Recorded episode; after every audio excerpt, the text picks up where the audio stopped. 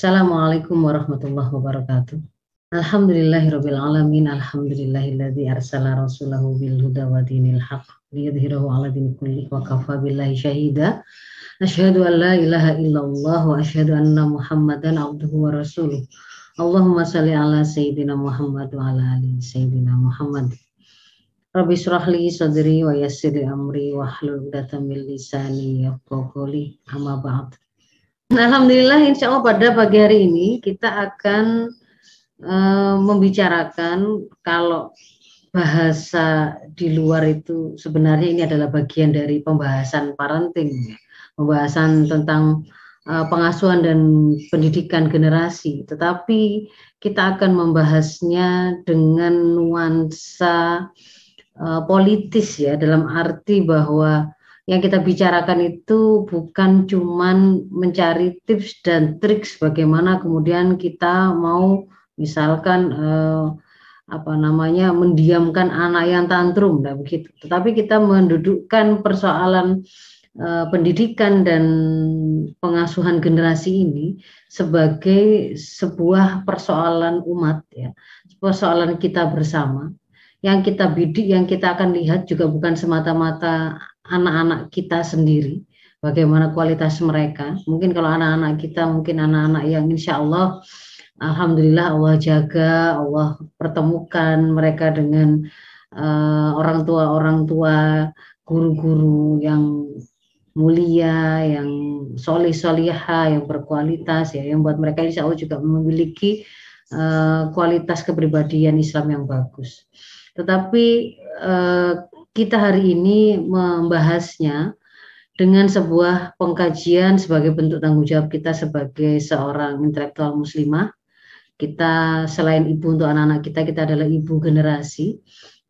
Maka kita akan membahasnya juga dengan uh, pendekatan bahwa kita ini adalah orang yang juga bertanggung jawab atas kualitas generasi muslim secara keseluruhan. Kalau kemudian mau kita lihat uh, bagaimanakah fakta mereka, maka kita juga akan menganalisanya, melihatnya secara holistik.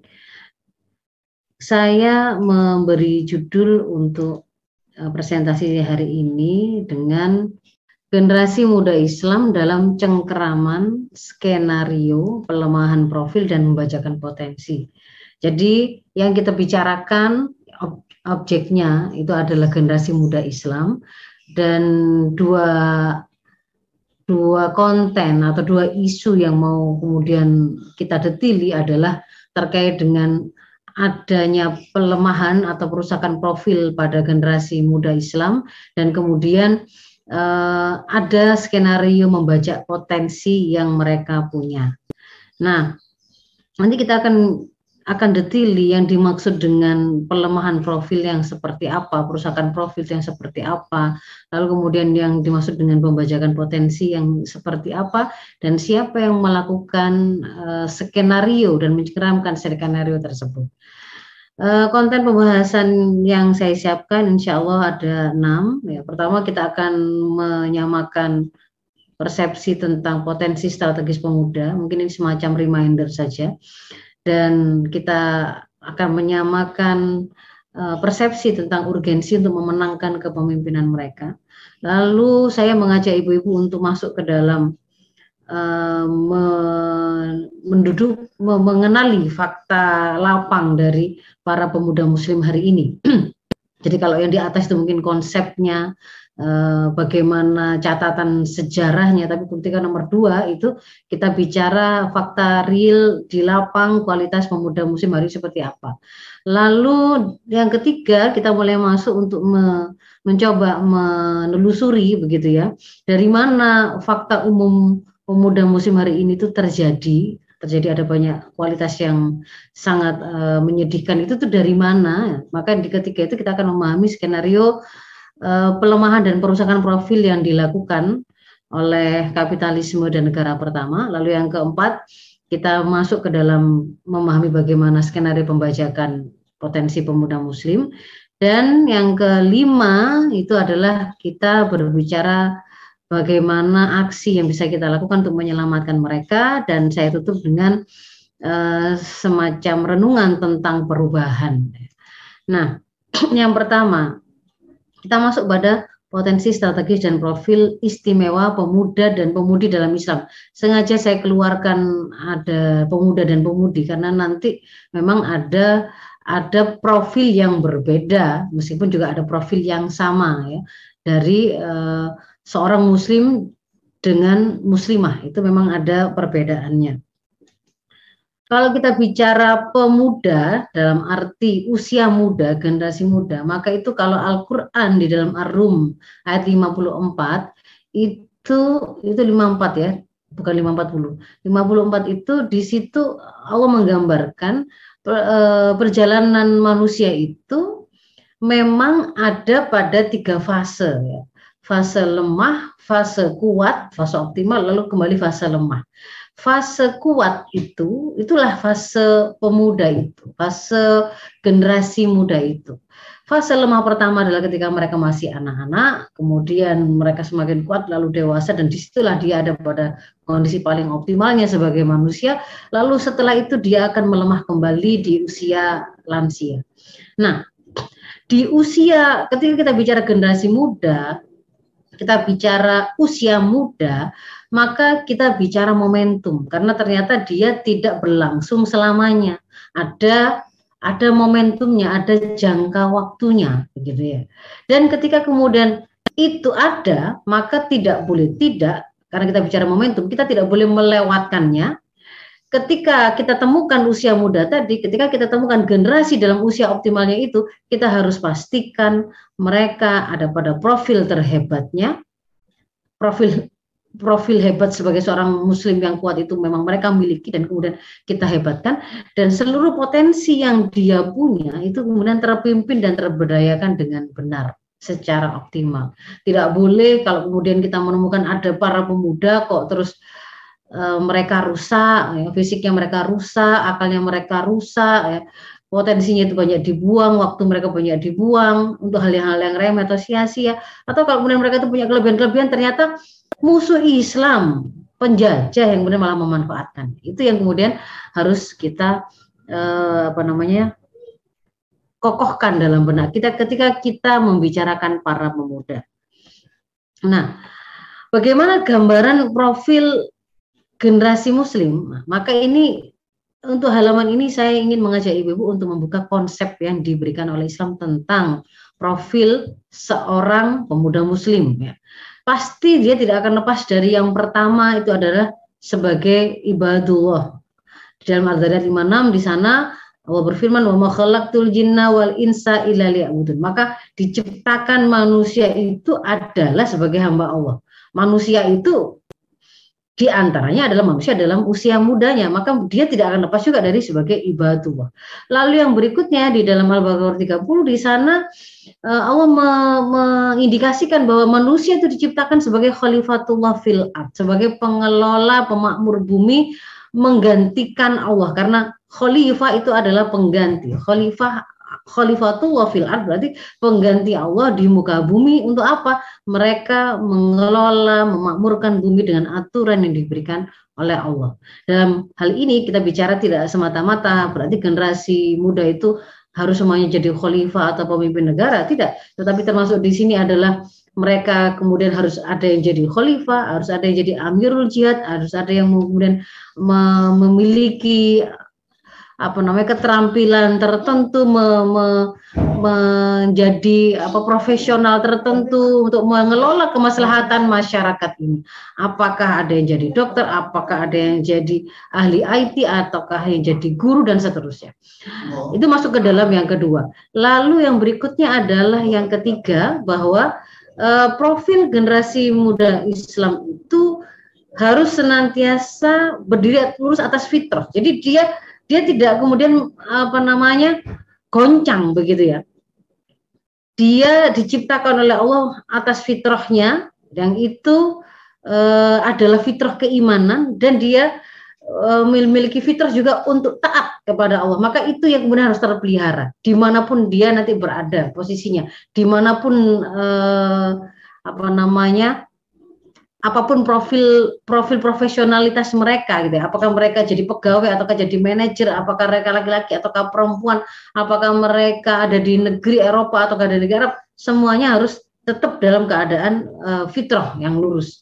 Kemudian yang berikutnya di Anisa 69 itu mereka adalah uh, generasi dengan profil yang tangguh, kuat, berkualitas. Kita kita dilarang, diharamkan untuk meninggalkan anak-anak generasi yang lemah. Di dalam Anisa, Anisa 9 itu di, dilarang seperti itu. Lalu yang berikutnya ini juga merupakan kekhasan dari generasi Islam. Ya. Mereka disebut sebagai khairu ummah ukhrijat linnas, umat terbaik, generasi terbaik skala global ya. E, karena dikatakan linnas ya, terbaik untuk seluruh umat manusia itu ketika mereka adalah para pelaku amar ma'ruf nahi mungkar waktu minu nabilah. Jadi mereka senantiasa kokoh memegang kebenaran, melakukan amar ma'ruf dan nahi mungkar di mana pun mereka berada. Itu konsepnya. Lalu kemudian kita coba uh, terjemahkan konsep itu kita cari ya, kita cari dalam bentuk realnya dalam kehidupan yang pernah ada ketika kemudian eh, peradaban Islam itu ada dan melahirkan generasi-generasi sebagaimana yang diperintahkan oleh Islam. Sengaja saya tidak mengambil contoh-contoh profil dari para sahabat, tetapi saya mengambil dari generasi sesudah mereka, gitu ya. Kemudian juga di antara yang saya sebutkan di sini tidak tidak ada Muhammad Al-Fatih karena itu juga eh, profil yang biar tidak berkesan bahwa profil generasi terbaik itu hanya Muhammad Al-Fatih tidak gitu. Saya coba tunjukkan di sini misalkan uh, nomor dua itu nanti silakan ibu-ibu semua baca sendiri. Saya akan hanya menyebutkan sedikit saja. Di nomor dua itu adalah kita mengenal Muhammad bin Idris Asy-Syafi'i atau kita mengenalnya sebagai Imam Syafi'i. Beliau, gitu ya, beliau ini kalau kemudian dibawa kepada situasi hari ini, situasi kekinian, generasi milenial begitu ya, yatim sejak di kandungan, kemudian ibunya juga miskin, uh, dibully oleh orang-orang atau teman-temannya karena tidak memiliki kelengkapan alat tulis untuk kemudian ikut dalam kelasnya atau sekolah begitu ya. Itu tapi kemudian kita tidak menemukan pada profil beliau itu gambaran uh, profil alay atau rapuh atau lemah atau galau seperti yang kemudian kita temukan hari ini. Kalau kemudian kita cermati di situ Eh, kita bisa melihat profil ibu yang punya visi besar terhadap anaknya. Bahwa ketika kemudian ibunya itu uh, menargetkan anak saya ini harus menjadi seorang ulama besar, maka dia harus menjadi murid dari Imam Malik. Itu beliau membawanya apa namanya berhijrah ke sana. Kemudian uh, ketika ibunya juga memahami bahwa anak saya harus menguasai bahasa Arab Fusha, maka kemudian beliau mencari di kampung mana yang kaumnya itu masih berbahasa Arab Fusha untuk kemudian sementara waktu mereka tinggal di sana. Jadi kalau kemudian kita melihat begitu ya, eh, sebenarnya kesulitan yang kemudian dihadapi oleh generasi hari ini yang kemudian sering disebut sebagai faktor membuat mereka itu seperti tidak beruntung sehingga kemudian menjadi alasan mereka mutung itu sebenarnya juga ada pada generasi-generasi sebelum mereka. Tetapi kalau kemudian kita lihat misalkan pada waktu Imam Syafi'i itu kan ketika beliau itu eh, apa namanya me, karena tidak punya alat tulis itu kan ketika mendengarkan penjelasan Imam Malik itu kan kemudian seperti mem, me, apa menggores-goreskan tangan gini ya jari di tangan beliau yang kemudian dikira itu bermain-main begitu kan. Ketika kemudian diingatkan orang semua sudah apa serius mencatat kok kamu bermain-main, tapi kemudian beliau menyampaikan bahwa ini cara beliau mengingat apa yang disampaikan oleh Imam Malik dan ketika kemudian dites begitu ya, ternyata beliau bisa mengingat semua apa yang disampaikan oleh Imam Malik itu dengan sempurna. Maka kemudian beliau uh, diangkat menjadi uh, murid dari Imam Malik dan pada usia 14 tahun ada mengatakan 15 tahun sudah menjadi mufti yang uh, menjadi rujukan bagi masyarakat luas bahkan uh, para ulama-ulama yang lain. Itu misalkan contoh profil yang konsepnya tadi saya terangkan di slide sebelumnya itu kemudian ketika dihidupkan itu contohnya adalah seperti ini, tidak rapuh, tidak cengeng itu begitu. Kemudian misalkan saya mengambil yang nah ini yang yang kelima begitu ya, kelima. Ini kita mengenalnya sebagai Imam Bukhari. bayangkan ini juga sama, beliau juga uh, beliau juga yatim dan kemudian malah beliau pernah mengalami episode buta ya, episode buta. Sempat mengalami kebutaan yang membuat uh, sepertinya rancangan atau mimpi yang dibuat oleh ibu dan bapaknya ketika masih hidup itu kemudian sepertinya itu buyar begitu kan ya. Pada waktu masih utuh itu kan bapak ibunya berharap ini akan menjadi ulama besar begitu ternyata kemudian meninggal, kemudian ternyata anaknya itu sakit dan sampai buta. Tetapi kalau kemudian kita lihat bagaimana tetap eh, apa namanya keyakinan ibu itu selalu memohon kepada Allah begitu ya, meyakini bahwa yang akan me, kalau kemudian Allah yang memberikan begitu kan ya, situasi apa pun termasuk penglihatan itu mau dikembalikan oleh seketika itu bisa saja. Nah, keyakinan seperti ini itu sesuatu akidah yang seperti ini itu hari ini itu kan kita mulai tidak kita temukan pada anak-anak kita pada generasi hari ini. Bagaimana ketika kemudian Imam Bukhari ini mendapatkan e, nasihat begitu, alangkah baiknya dari gurunya begitu ya. Alangkah baiknya kalau kamu berkeliling me, mengumpulkan hadis-hadis yang sahih dari hadis-hadis yang banyak ini yang kemudian umat ini tuh bingung begitu ya. Kalau Al-Qur'an Islam ini sandarannya adalah Al-Quran dan hadis. Al-Quran Allah yang menjaganya.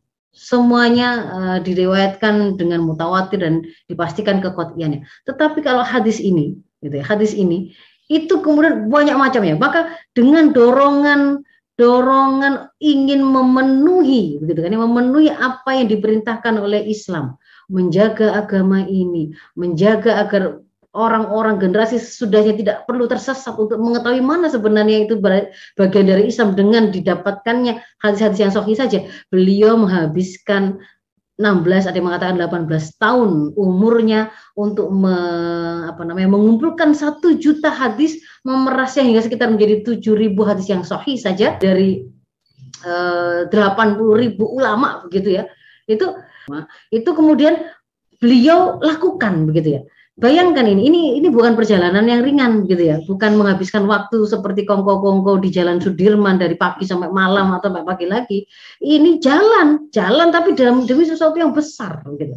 Sesuatu yang besar kemuliaan karena dia tahu tadi hidupnya adalah untuk mengelola bumi, menjadi khalifatullah fil ard, menjadi penegak kebenaran. Sementara kebenaran ini tadi harus dijaga. Nah, termasuk juga ketika mereka menjadi penguasa juga ada yang kemudian kita mengenal ada Abdurrahman Ad-Dakhil itu usia 25 tahun uh, dan seterusnya. Ada banyak. Untuk para muslimahnya, profil istimewa mereka ketika dihidupkan begitu ya, dihidupkan dalam bentuk profil realnya itu seperti apa? Saya ambilkan uh, dua sumber ya. Yang pertama adalah yang ditulis oleh Carla Daya di uh, Secret History. Di sana dia ini menceritakan tentang uh, profil ulama-ulama perempuan di masa kehilafahan. Karakter atau profil ulama perempuan ini mereka mencapai peringkat tinggi di semua bidang keilmuan mereka jadi ahli hukum terkenal, mereka mengeluarkan putusan-putusan Islam, mereka bisa menafsirkan Quran, meriwayatkan hadis, bahkan memiliki ilmu untuk menantang putusan hakim. Artinya ketika misalnya hakim itu memutuskan satu perkara, mereka tidak tepat, mereka bisa adu argumentasi di situ. Mereka punya kemampuan melakukan itu. Mereka biasa menulis buku dan seterusnya, bahkan jumlah mereka eh, dikatakan pada eh, beberapa perguruan tinggi di masa khilafah jumlah dosen perempuan itu ternyata lebih tinggi daripada universitas barat pada zaman modern ini. Nah, itu sumber yang pertama. Yang kedua saya ambilkan dari eh, buku biografi 8000 muhaddisat ya yang ditulis oleh Muhammad Nadwi Akram. Ketika beliau mengumpulkan biografi 8000 ulama hadis perempuan ini yang sangat menarik beliau kemudian temukan adalah jumlah 8.000 itu kan sebenarnya nggak nggak kecil, itu sangat besar. Apalagi ini bukan 8.000 masa mengambang atau masa uh, apa namanya anak-anak yang tidak berkualitas ini 8.000 muhadisat ya, ulama perempuan. Di mana dikatakan di sana tidak seorang pun dari mereka dilaporkan telah menganggap rendah domain kehidupan keluarga. Jadi meskipun mereka itu orang yang berilmu, mungkin mereka adalah guru di level pendidikan yang paling tinggi, misalnya begitu. Kalau misalnya hari ini ya kita terjemahkan itu dosen lah gitu. Dosen sampai kemudian kalau uh, jenjang akademisnya itu sampai profesor lah, guru besar dari nanti gurunya guru, pakarnya pakar dan gitu. Tidak seorang pun dari mereka dilaporkan menganggap rendah, rendah domain kehidupan keluarga, mengabaikan tugas-tugas di dalamnya. Jadi mereka tidak kemudian kalau kalau ngajari anak saya masih TK itu kan ya bisa guru TK nggak harus saya. Yang kemudian dulang, yang kemudian misalkan kemudian mengajari Al-Fatihah, ngajari yang bisa guru ngaji yang saya datangkan nggak harus saya. Saya gurunya guru ngaji itu misalnya begitu. Tidak ada yang kemudian menganggap rendah domain kehidupan seperti itu. Dan tidak pula mereka itu e, mengabaikan porsi atau menganggap dia tidak memiliki tugas di masyarakat tugas dia cuma di, di domestik saja juga tidak ditemukan seperti itu. Atau kemudian tidak juga kita temukan seperti klaim para feminis yang mengatakan ketika Islam itu dipegang maka ternyata para perempuannya itu e, dibikin mindsetnya itu menjadi orang yang merasa dia adalah warga negara kelas 2 lebih rendah daripada laki-laki. Juga tidak ada. Tidak ditemukan fenomena yang seperti itu. Nah itu adalah gambaran uh, keistimewaan pemuda, lalu kemudian ketika kita terangkan konsep tentang pemuda itu seperti itu profilnya, dan kita juga sudah baca bagaimana ketika pada kehidupan realnya ternyata itu ada, bukan khayalan gitu ya, bukan sesuatu yang uh, dongeng, tapi itu ada faktanya. Maka kita sekarang masuk ke dalam uh, menyalami situasi kondisi generasi Muslim hari ini, hari ini saat-saat di mana kita hidup ya.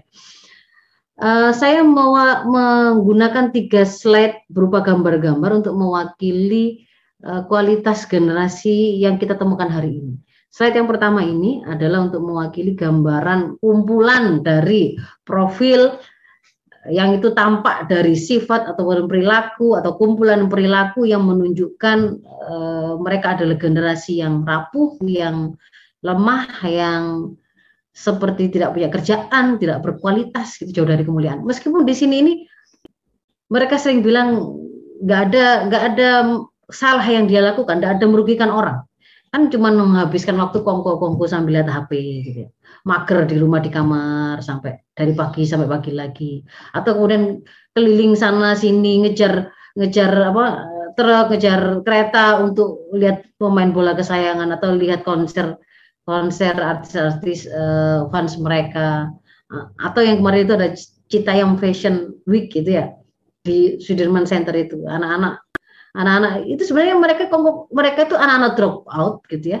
Nganggur nggak sekolah kemudian kemudian kongko-kongko di situ nongkrong di situ nggak ada kerjaan. Nah, lalu sambil kemudian bikin konten gitu ya. Sudah pacaran berapa lama ya? Sambil harus goyang-goyang ketika di diwawancara ini mungkin ibu-ibu yang nggak nggak nggak mengetahui apa namanya situasi hari ini yang melalui uh, akun-akun sosmed. Mungkin nggak nggak tahu video mereka sealai apa gitu ya. ini untuk yang yang pertama. Tapi yang jelas mau seperti ini pun gitu ya. Sebenarnya ini kita kita sepakat ini bukan profil generasi muslim yang sebenarnya yang sudah tadi kita bahas. Nggak kayak gini gitu. Tidak ada kayak gitu tidak ada gitu ya. Kemudian yang kedua faktanya ternyata ada yang tidak semata-mata melakukan sesuatu yang kata mereka tidak merugikan masyarakat. Faktanya mereka juga ada yang kemudian menjadi para pelaku dan penebar kejahatan, kerusakan. Mereka para, generasi kriminal ya. Nggak e, ada salah orang itu tiba-tiba dia di jalan, tiba-tiba dilukai, tiba-tiba di di di apa namanya disabet dengan senjata tajam seperti fenomena teliti di Jogja atau kemudian mereka apa namanya kebut-kebutan di jalan kompetisi yang kemudian malah membahayakan masyarakat yang lain. Mereka mereka merampok, mereka melakukan pembunuhan dan seterusnya. Ini ini ini fakta kalau kita bicara nah itu apakah memang muslim? Kalau ini terjadi di negeri ini, ibu-ibu, mayoritas kita yang ada di sini adalah muslim, maka yang kita lihat ini, yang kita bicarakan ini mayoritasnya juga adalah generasi muda itu. Yang ketiga, ini adalah untuk mewakili uh, profil yang seolah-olah gini ya, gini, bahwa kan ada, memang ada potensi yang kemudian dimiliki oleh para pemuda dan itu kemudian diberdayakan, termanfaatkan begitu loh. Mereka punya kekuatan fisik, mereka kerja, itu kan bagus, iya betul. mereka punya kecerdasan, mereka jadi mahasiswa, mereka mau menguasai IT, mereka mereka kemudian juga menjadi misalkan kalau ini level pendidikan tinggi gitu ya, sampai kemudian menjadi peneliti betul. Tapi kemudian kita lihat hari ini ternyata ada yang kemudian terjebak dalam brain drain. Ada yang kemudian ada di levelnya itu level yang di, ber, di apa namanya dijadikan sebagai generasi buruh ya. Diambil skillnya saja tetapi tidak memiliki kekritisan untuk melihat bahwa sebenarnya dia sedang di, diperas oleh sebuah sistem industri yang tidak memanusiakan manusia begitu kan ya. Kalau misalkan ini adalah uh, brain drain atau peneliti yang kemudian di dibaca misalkan ya, dibaca potensinya. Betul bahwa dia kemudian terlibat dalam sebuah penelitian yang menemukan, misalkan menemukan bakteri pengurai limbah yang dihasilkan oleh para penjajah yang mengeruk apa tambang di negeri ini. Tetapi ketika pada saat yang sama eh, penelitian itu yang didanai oleh industri tadi ternyata juga membuat kita diminta atau dipaksa dalam tanda kutip atau terpaksa untuk kemudian tidak berani berbicara dan mengkritik lebih lanjut tentang kerusakan-kerusakan yang dihasilkan oleh para kapitalis ini, maka pada saat itu sebenarnya kita juga sedang dibaca. Gitu ya. Kalau kemudian ada generasi kita yang kemudian menguasai IT, mereka juga banyak yang kemudian dimanfaatkan untuk menciptakan apakah itu game online ataukah itu aplikasi-aplikasi yang kemudian ternyata dikembalikan lagi kepada generasi kita ini menjadi sebuah sarana untuk merusaknya. Sangat brilian bagaimana membuat orang itu dengan memainkan game itu pertama kali dia sangat senang, nggak akan kembali, akan kemudian um, memainkannya hingga naik level naik level terus seperti nyandu. Itu sebenarnya sesuatu yang membutuhkan ilmu, pengetahuan, penguasaan terhadap sains dan teknologi tertentu. Tetapi ketika kemudian dipimpin oleh sebuah peradaban yang rusak, yang ini di, di, di, di apa namanya, apa diwakili oleh para industri di masa kapitalis ini, maka kita lihat mereka itu dimanfaatkan untuk melakukan industri yang seperti apa? Ternyata industri yang merusak. Untuk kemudian mensejahterakan siapa? Bukan untuk mensejahterakan masyarakatnya, tetapi kemudian hanya mensejahterakan segelintir orang dan seterusnya. Bahkan ada yang kemudian menjadi komprador, agen, ya, penjajah, ya, mereka merusak agama dan juga umatnya. Ya. Seperti kemudian menjajakan menjadi duta pluralisme dan seterusnya. Nah, itu secara gambaran profilnya. Hari ini, ibu-ibu, kita mendapati sebuah fenomena yang fenomena yang sifatnya itu sangat apa namanya sangat selalu disebut oleh banyak pihak dijadikan sebagai alasan untuk me menghasilkan satu kebijakan-kebijakan tertentu yaitu bonus demografi. Jadi ini selalu dibawa-bawa. Bonus demografi adalah situasi di mana usia produktif populasi usia produktif lebih banyak daripada usia non produktif dan itu akan kita akan kita panen itu kita raih itu kita dapatkan itu terutama antara 2020 sampai 2030. Nah, ini adalah berarti masa-masa ini kan begitu kan ya. Masa-masa ini. Jadi kalau kemudian jumlah yang besar, ini kalau kemudian kita lihat datanya ya, datanya itu perkiraannya itu nanti terbesarnya jumlahnya itu ada pada tiga generasi, Gen Z, milenial sama Gen X. Itu antara anak-anak yang sekarang ini mungkin SMP sampai usia-usia kita ini ya. Itu Gen Z, Gen X, milenial, kira-kira jumlahnya kalau dari 270-an juta jiwa itu sekitar 70 persennya. Bayangkan kalau kemudian yang 70 persen dari penduduk negeri ini ternyata kualitasnya seperti tiga slide yang saya tampilkan tadi. Terbayang bagaimana yang kemudian akan e, terjadi begitu kan. Nah, Sementara kalau kemudian eh, kita membuka cakrawala kita ketika fakta yang sama itu disodorkan dan dibaca oleh negara ideologis gitu ya. Wah, negeri muslim ini, negeri muslim ini mereka akan mengalami bonus demografi padahal dia adalah ada negeri muslim terbesar. Mereka adalah para pemuda Islam.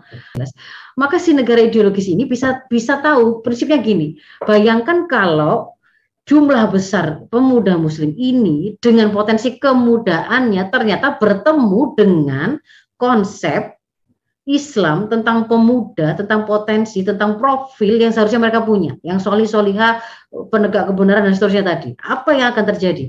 Maka itu akan menjadi mimpi buruk bagi peradaban mereka dan dominasi mereka. Akan menjadi uh, hal yang mengakhiri penjajahan mereka.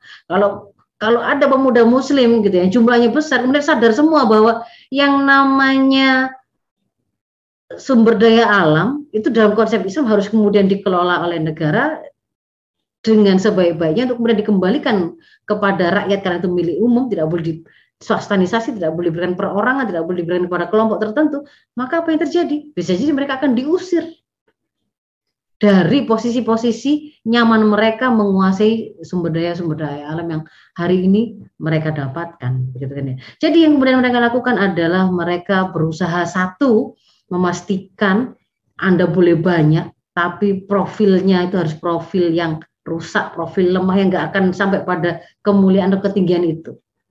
Jangan sampai ketemu Islam.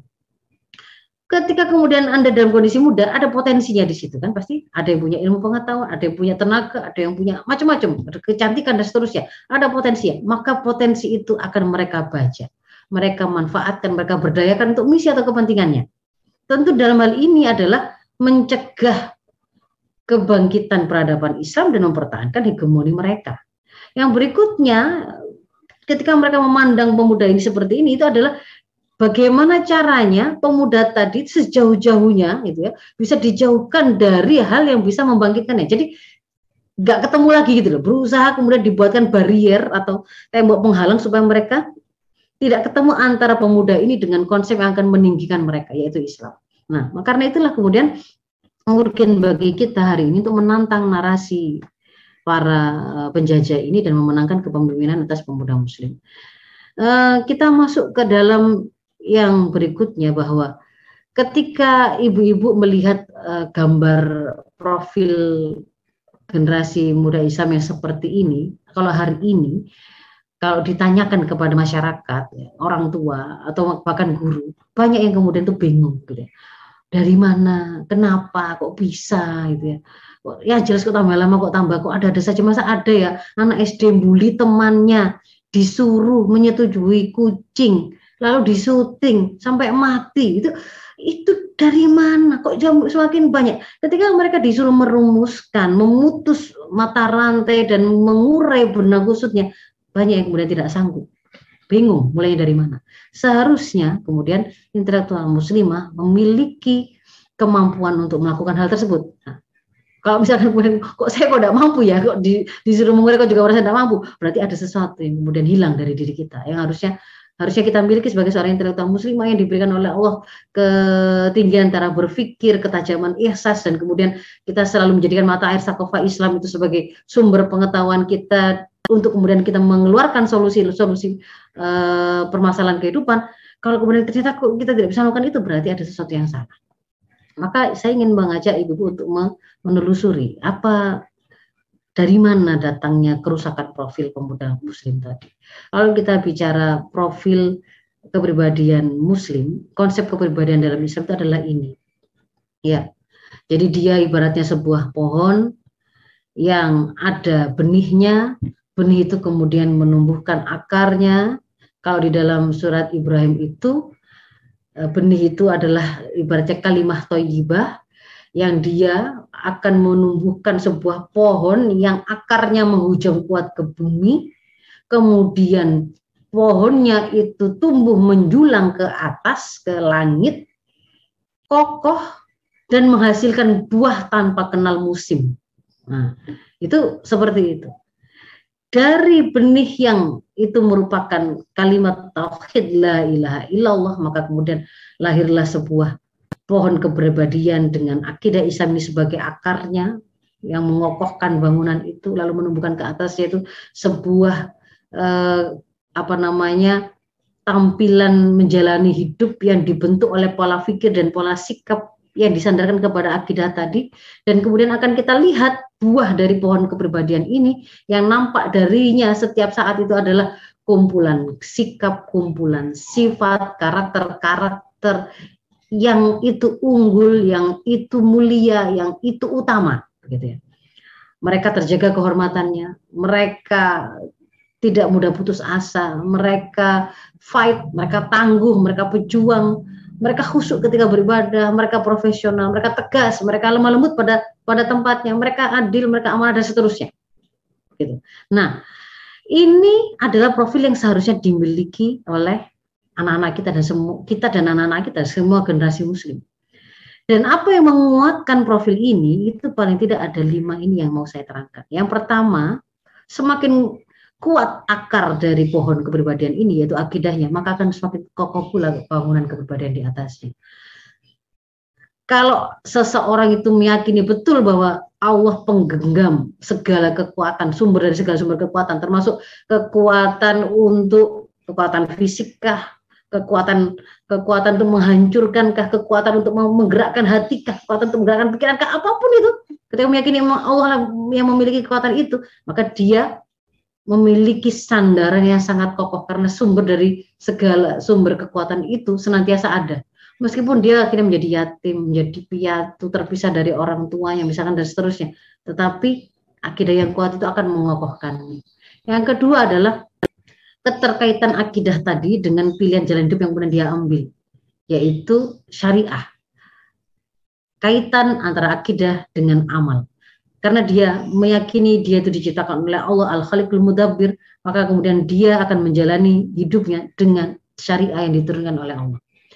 Semakin dia yakin itulah yang harus dia lakukan, maka itu akan semakin membuat dia terjaga dari hal-hal yang akan menggelincirkan, akan merusak kepribadiannya. Lalu yang ketiga adalah kelengkapan sakofah, pemahaman-pemahaman terhadap Islam yang akan menjadi guidance bagi dia menjalani kehidupan. Semakin komplit, semakin lengkap pemahaman dia tentang bagaimana bergaul, bagaimana hak dan kewajiban di dalam rumah tangga, bagaimana uh, seharusnya kemudian dia itu melakukan ibadah, bagaimana seharusnya dia itu menjaga pandangan, bagaimana dia berpakaian dan seterusnya.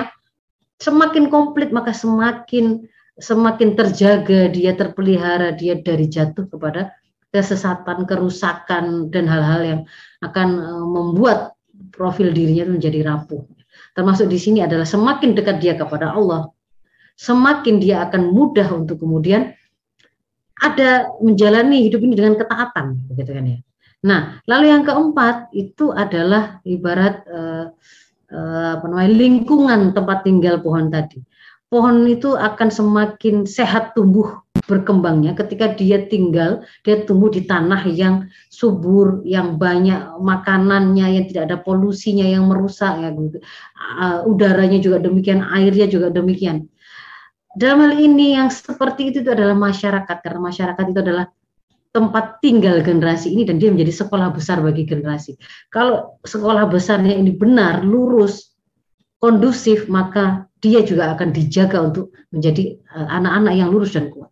Dan yang terakhir dan ini adalah uh, bahkan yang akan menjadi memberikan proteksi dan hal yang menguatkan lebih lebih kuat lagi karena dia memiliki kemampuan uh, skala apa menyentuh skala generasi skala bangsa bukan orang per orang itu adalah keberadaan negara yang berkarakter roin memelihara urusan rakyatnya dan junah uh, yang menjadi tameng yang melindungi generasi dari kerusakan. Dan itu hanya kita yakini itu negara yang bisa roin dan junah itu itu adalah negara yang menerapkan syariah kafah begitu. Nah, sayangnya hari ini Ibu, semua hal yang menguatkan profil generasi itu kemudian dibombardir diserang habis-habisan. Akidah ini digoyang dengan berbagai macam ide yang mempertanyakan kenapa harus beragama. Semua agama itu benar, semua agama adalah sama, begitu ya kalau kemudian ada yang mengklaim uh, inna dina indawa Isa maka kemudian itu dijadikan sebagai apa namanya sasaran tembak untuk dikatakan intoleran. Nah, maka di sini menjadi awal anak-anak kita itu malah kemudian merasa tidak butuh dengan agama. Mereka bahkan nggak ada masalah ganti-ganti agama. Yang penting saya solih, solih sosial. Agama bisa apa saja, gitu ya. Dan itulah yang kemudian menjadi awal kelemahan pertama bangunan profil mereka. Lalu yang kedua, keterikatan mereka pada syariah itu juga digoncang dengan ide apa? Sekularisasi dengan sekularisme. Dibuat dibikin agar generasi muda kita itu ketika mereka tidak bisa diajak murtad tidak bisa diajak gonta-ganti agama atau meninggalkan agamanya dia dibolehkan tetap beragama apa pun tetapi jangan bawa agama ketika bicara pengaturan kehidupan ketika bicara pergaulan ketika bicara makanan ketika bicara pakaian dan seterusnya. Jadi keterkaitan iman dan amal diputus Kemudian yang ketiga eh, yang tadinya harusnya generasi itu kita siapkan untuk mereka itu semakin menguasai dan dekat pada syariah, mereka memahami syariah. Hari ini itu pun kemudian diserang. Mereka dibuat takut untuk mendekat pada syariah. Mereka kalau terlihat mendekat pada syariah, mereka dibully, mereka distigmatisasi, mereka dicap radikal. Syariahnya sendiri kemudian juga di serang, di, diplesetkan dengan bentuk interpretasi ulang, dimoderatkan, di kontekstualisasi fikih yang kemudian ternyata isinya akhirnya bukanlah kemudian syariah itu sendiri, tetapi bahkan itu sebenarnya ide-ide asing bukan dari Islam. Maka semakin lepaslah umat ini, generasi ini dari keterikatan mereka pada syariah. Yang keempat, masyarakat yang menjadi sekolah besar masyarakat hari ini justru menjadi sekolah besar yang ngajari generasi kita tidak benar, tahunya mereka tentang bagaimana sih tips aman, tips enak melakukan zina ala FWB, friend with benefits, biar dia nggak baperan, itu mereka pelajari di mana? Bukan di sekolah, tetapi mereka pelajari itu dari konten-konten kreator yang membaginya. Di sosmed. Dan itu dibiarkan, begitu kan ya halal haram itu tidak dijadikan ukuran di tengah-tengah masyarakat hari ini. Masyarakat hari ini masyarakat yang kemudian menjadikan materi sebagai standar. Bayangkan anak nganggur seharian, kemudian saking nganggurnya kemudian mereka dibombardir dengan ide-ide tentang fashion, lalu kemudian mereka berlak bergaya seperti seorang eh, apa namanya eh, pragawati berjalan di zebra cross sebagai catwalknya itu kemudian diapresiasi gitu ya bukan kemudian negara kemudian merasa ada kegagalan yang mereka lakukan dalam memberi hak anak-anak ini gitu ya.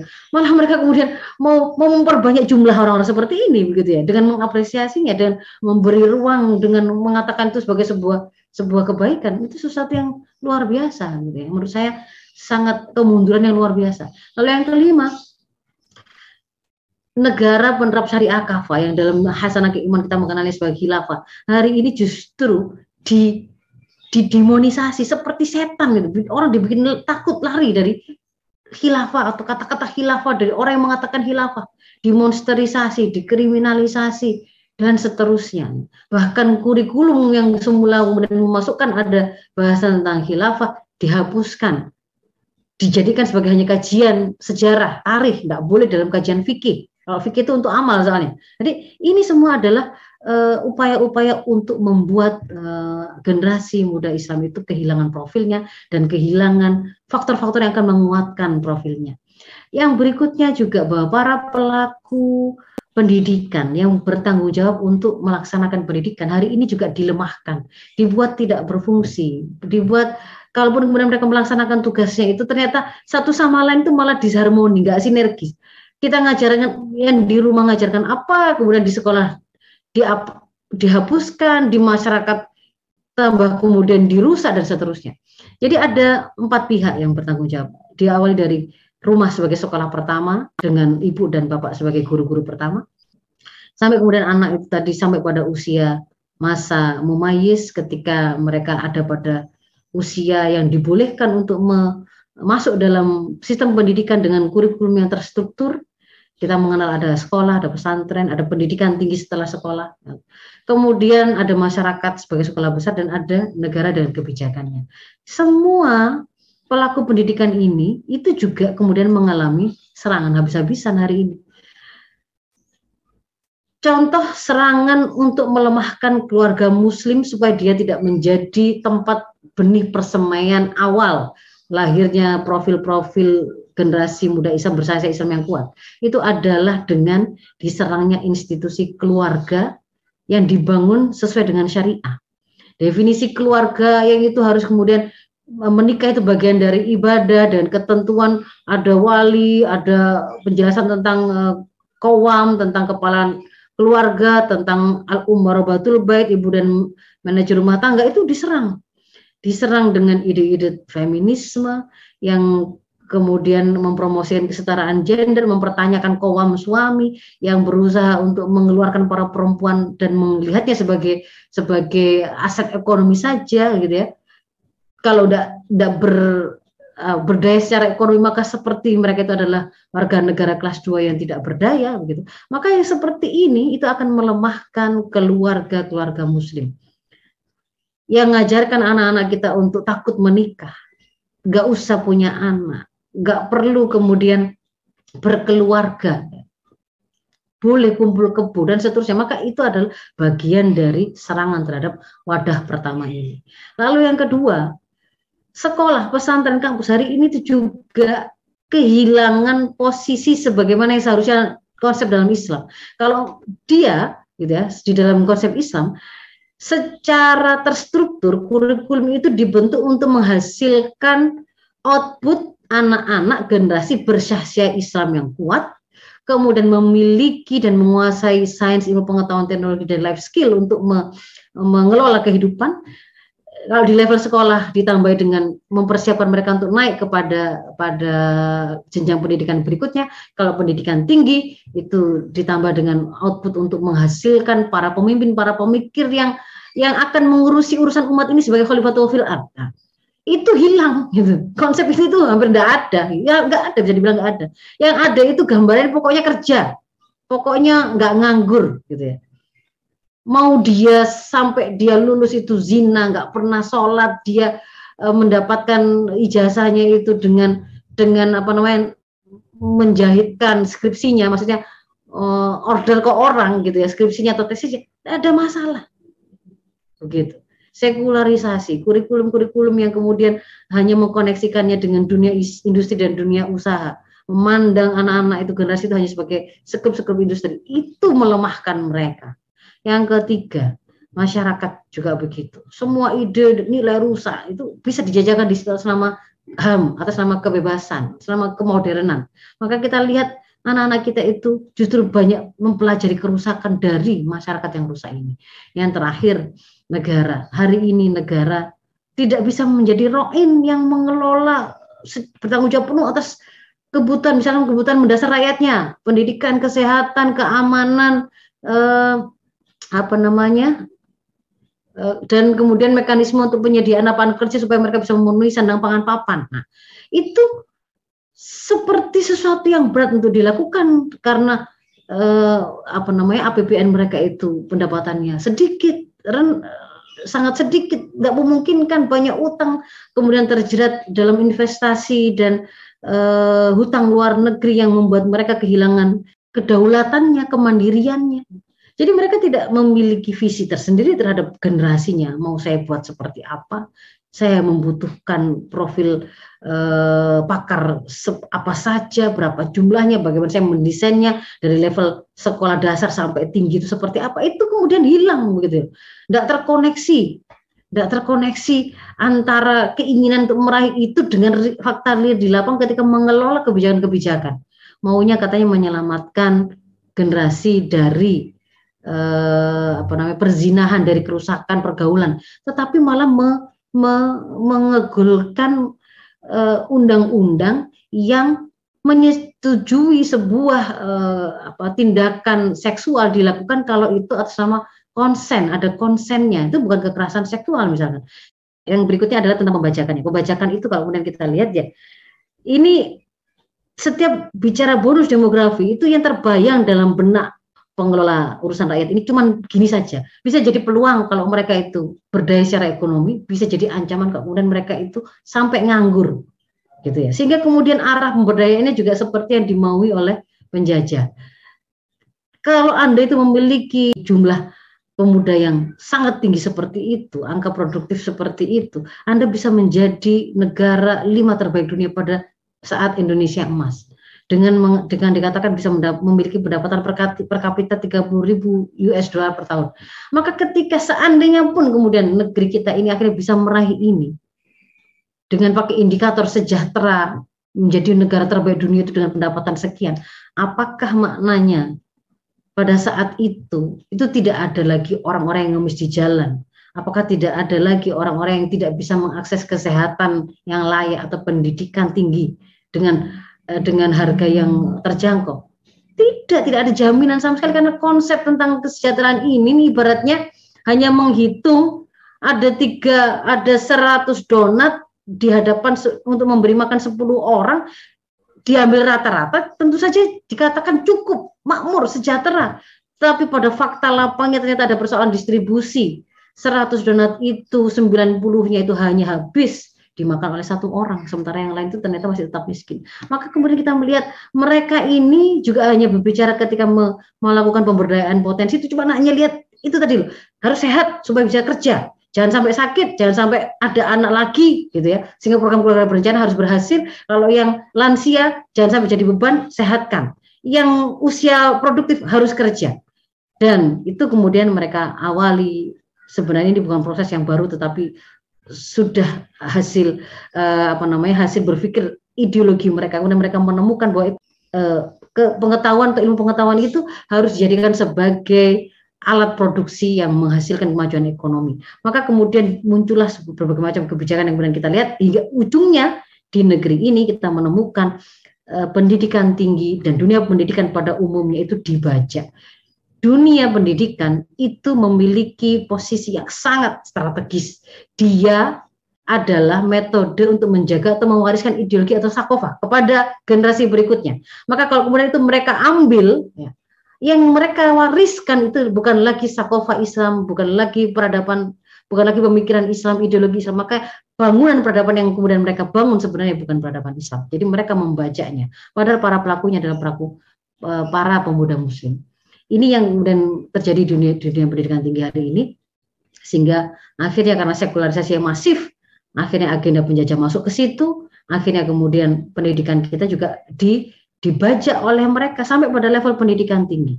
Di level pendidikan dasar mereka arahkan untuk me, mewujudkan profil mereka tentu saja tidak mengatakan itu sebagai profil yang diinginkan oleh penjajah, tetapi mereka mengatakan sebagai profil yang mungkin sesuai dengan kearifan lokal, profil yang moderat. Ya.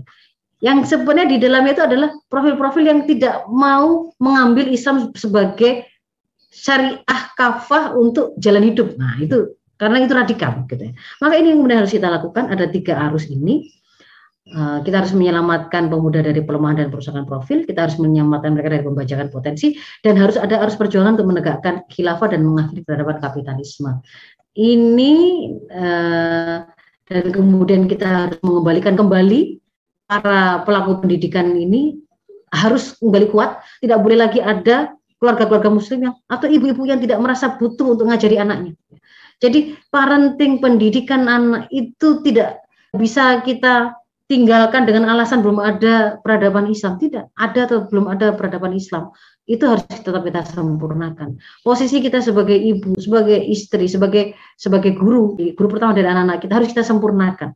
Kalau itu kemudian meniscayakan profil diri kita dan pernikahan kita harus kokoh, berarti keluarga-keluarga muslim itu harus kemudian mengokohkan keluarga mereka. Dan untuk dunia pendidikan hari ini, ini harus kita selamatkan dari jajahan yang dilakukan oleh para kapitalis tersebut. Kita harus bongkar berbagai program kebijakan yang itu merusak. Gitu.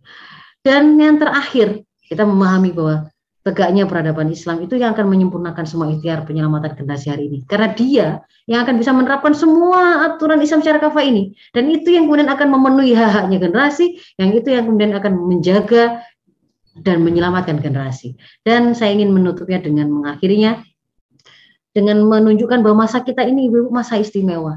Kita ini qadarullah, awal pertemuan kita dengan satu tahun pasca keruntuhan khilafah yang kemudian diprediksi ada ada banyak pakar yang memprediksi setiap 100 tahun itu biasanya ada perubahan peradaban. Kalau ada hadis tentang mujadid itu, itu kita menemukan fase ini ya 1924 khilafah runtuh berarti 2024 itu ada pada masa kita insya Allah.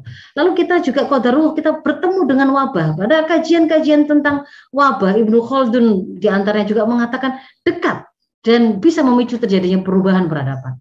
Kita menemukan ada bonus demografi para pemuda yang luar biasa jumlahnya 70% dari penduduk negeri ini. Maka ini modal besar untuk perubahan. Dan yang terakhir ada banyak kajian yang menunjukkan ada tanda-tanda akhir akan berakhirnya satu peradaban yang dilakukan oleh Lukem ketika kemudian dia melakukan pengkajian ada empat tanda ini dan ini hari ini ada semua perubahan iklim, degradasi lingkungan, ketidaksetaraan atau oligarki, kompleksitas masalah itu kita temukan pada masa ini. Pada masa ini adalah masa peradaban kapitalis.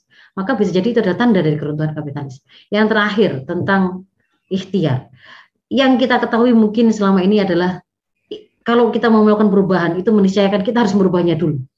Tetapi selain kita harus merubahnya dulu dan melakukan ikhtiar, ada pelajaran kedua dari apa yang dilakukan oleh uh, Muhammad Al-Fatih. Muhammad Al-Fatih bukanlah orang pertama yang berusaha melakukan penaklukan Konstantinopel. Penaklukan itu sudah dilakukan sejak era Muawiyah bin Abu Sofyan. Selalu setiap khalifah mengirimkan mengirimkan pasukan ke sana, tetapi yang berhasil merealisir bicara Rasulullah adalah yang memenuhi kadar yang diminta yang disebut oleh Bisara itu sebagai pemimpin terbaik, pasukan terbaik. Maka kalau kemudian hari ini kita bicara menggabungkan antara isu kepemudaan, posisi kita dan situasi hari ini, peluang besar perubahan itu sangat terbuka terjadi pada masa kita dan oleh kita dan menjadi tugas kita untuk menyempurnakannya dengan memenuhi kadar ikhtiar yang diminta. Saya kira itu, mohon maaf Ibu yang eh, jika ada cukup panjang apa yang saya sampaikan. Semoga bisa kita lanjutkan dalam sesi diskusi. Demikian, Assalamualaikum warahmatullahi wabarakatuh.